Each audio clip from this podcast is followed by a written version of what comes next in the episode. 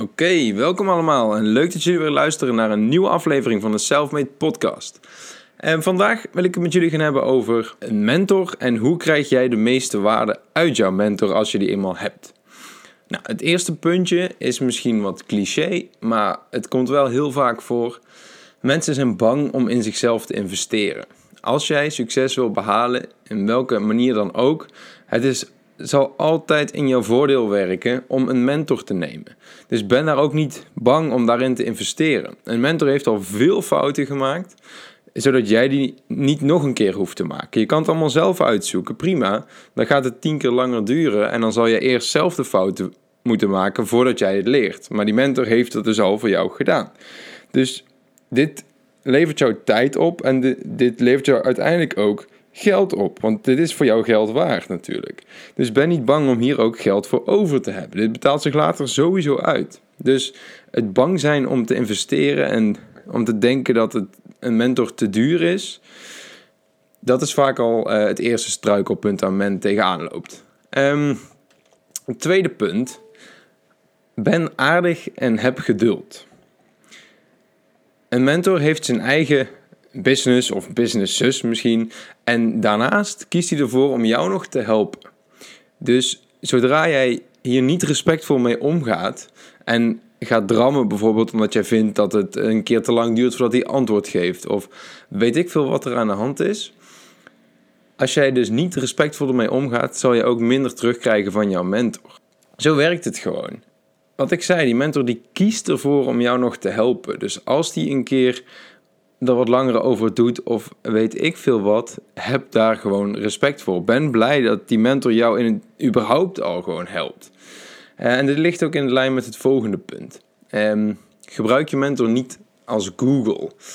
Dat is echt gruwelijk irritant. En daarmee wil ik dus zeggen, ga niet elke vraag die je hebt aan je mentor stellen.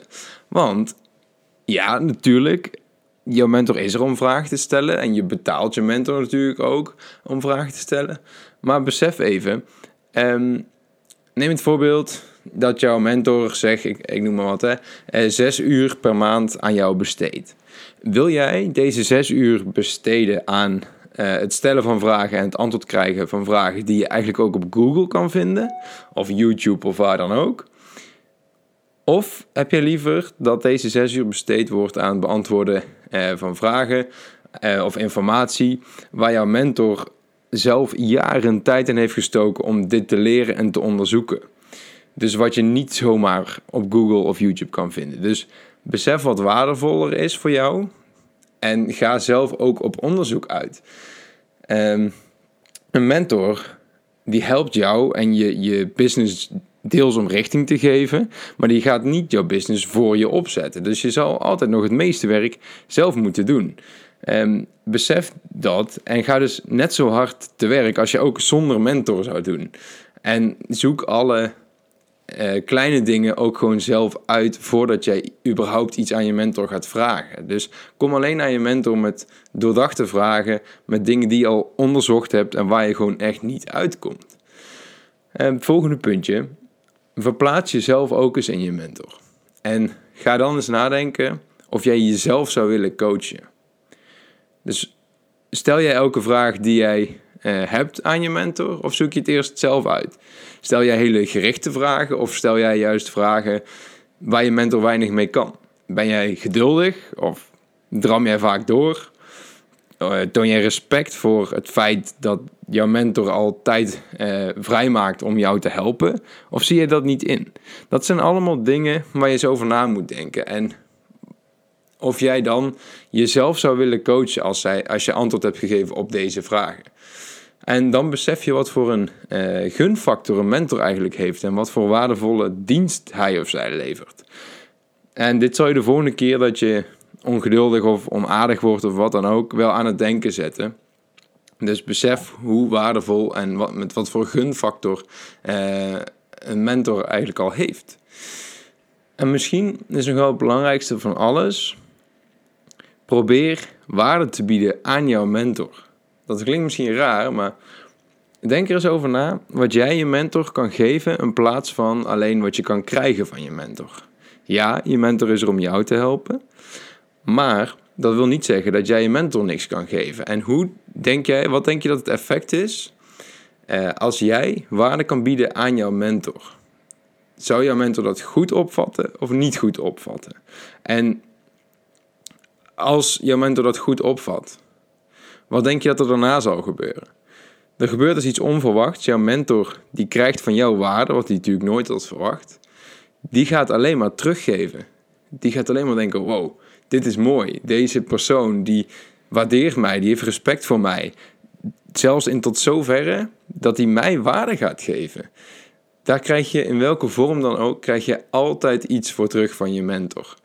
Al, al is het op de lange termijn, jouw mentor zal dat onthouden, die zal het waarderen, die zal daar respect voor hebben en dat betaalt zich uit, altijd. En dan denk je misschien, ja, maar ik heb toch mijn mentor om van hem te leren, ik kan hem of haar toch niks, niks leren. You don't know what you don't know. Er is altijd iets wat jouw mentor nog niet weet, waar jij eh, je mentor wellicht mee kan helpen, al is het in kleine mate. Uh, een voorbeeldje. Ik had laatst een één op één meeting met een student. Uh, we hebben denk ik twee, drie uur gezeten en heb ik hem coaching gegeven. En op een gegeven moment kwam hij met een programmaatje en hij dacht dat ik die wel kon gebruiken. Maar voor hem was dit programma heel logisch en normaal. Zo van, oh, dit kent iedereen toch? Um, en hier heb je het weer. You don't know what you don't know. Want ik kende dit programma niet. Het is een heel simpel programma, maar ja, ik, ik kende het gewoon niet. Ik had er nog nooit van gehoord. Maar door dit programmaatje kon ik mijn virtual assistant ontslaan. Die betaalde ik 500 euro per maand. En het programmaatje zelf nam al deze diensten over. En een systeem is vaak gewoon nog betrouwbaarder dan een persoon. Want een persoon kan ziek worden of die kan een keer iets vergeten, weet ik veel wat. En een systeem is gewoon, oké, dit gebeurt altijd. En dat programmaatje kostte me 30 euro per maand. Dus in plaats van 500 voor een virtual assistant die nog wel ziek wordt of weet ik veel wat, had ik een programma van 30 euro die altijd werkt. Dus daar heb ik 470 euro per maand, kon ik daarmee besparen. Ja, en dat is gewoon wat ik bedoel met dit punt. Dus bied waarde aan jouw mentor. Dus deze persoon heeft mij dit verteld zonder dat hij van tevoren die coaching inging van... Uh, oh, ik ga dit programma aan Ivar geven om waarde te bieden. Nee, hij wist van tevoren ook niet dat dat mij waarde op zou leveren. Maar door die twee, drie uur coaching te hebben gehad, uh, wist hij dat ik iets aan dit programma zou hebben. En uiteindelijk wordt hem ook dit terugbetaald. Want ik ben hier zo blij mee dat hij nou hoger op mijn prioriteitenlijstje staat, zeg maar. En zoiets heeft gewoon een psychologisch effect wat voor hem zich ooit uit gaat betalen. En dan kan ik ook nog niet vertellen in welke manier zich dat uit gaat betalen. Maar dat gaat gewoon gebeuren, believe me. Um, als laatste extra tip. We worden eh, tegenwoordig heel snel verkocht. Dat is nou eenmaal zo. Dus voordat jij een mentor neemt, uh, besef of deze persoon echt jouw voorbeeld is.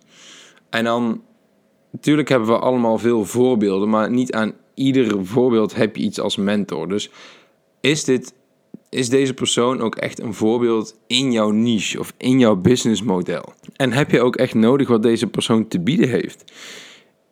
Is deze persoon een specialist in jouw vakgebied? Of is het meer uh, de auto die hij of zij rijdt, waardoor jij verkocht wordt? Dat je denkt, oh, wat, wat hij heeft of wat zij heeft, dat wil ik echt hebben. Dus daar, daar ga ik door gecoacht worden. Dat is niet de juiste keuze. De juiste keuze is, misschien rijdt iemand wel een Fiat Multipla, maar als hij gewoon super gespecialiseerd is in jouw vakgebied, nou dan zou ik liever die persoon hebben. Dus denk eraan dat we snel worden verkocht en kijk dus goed naar jouw business of naar jezelf, hè, want je hebt natuurlijk ook eh, coachings voor persoonlijke ontwikkeling. Eh, en besef wat jouw struggle is. En waar loop jij dus echt tegenaan, of waar loopt jouw business echt tegenaan?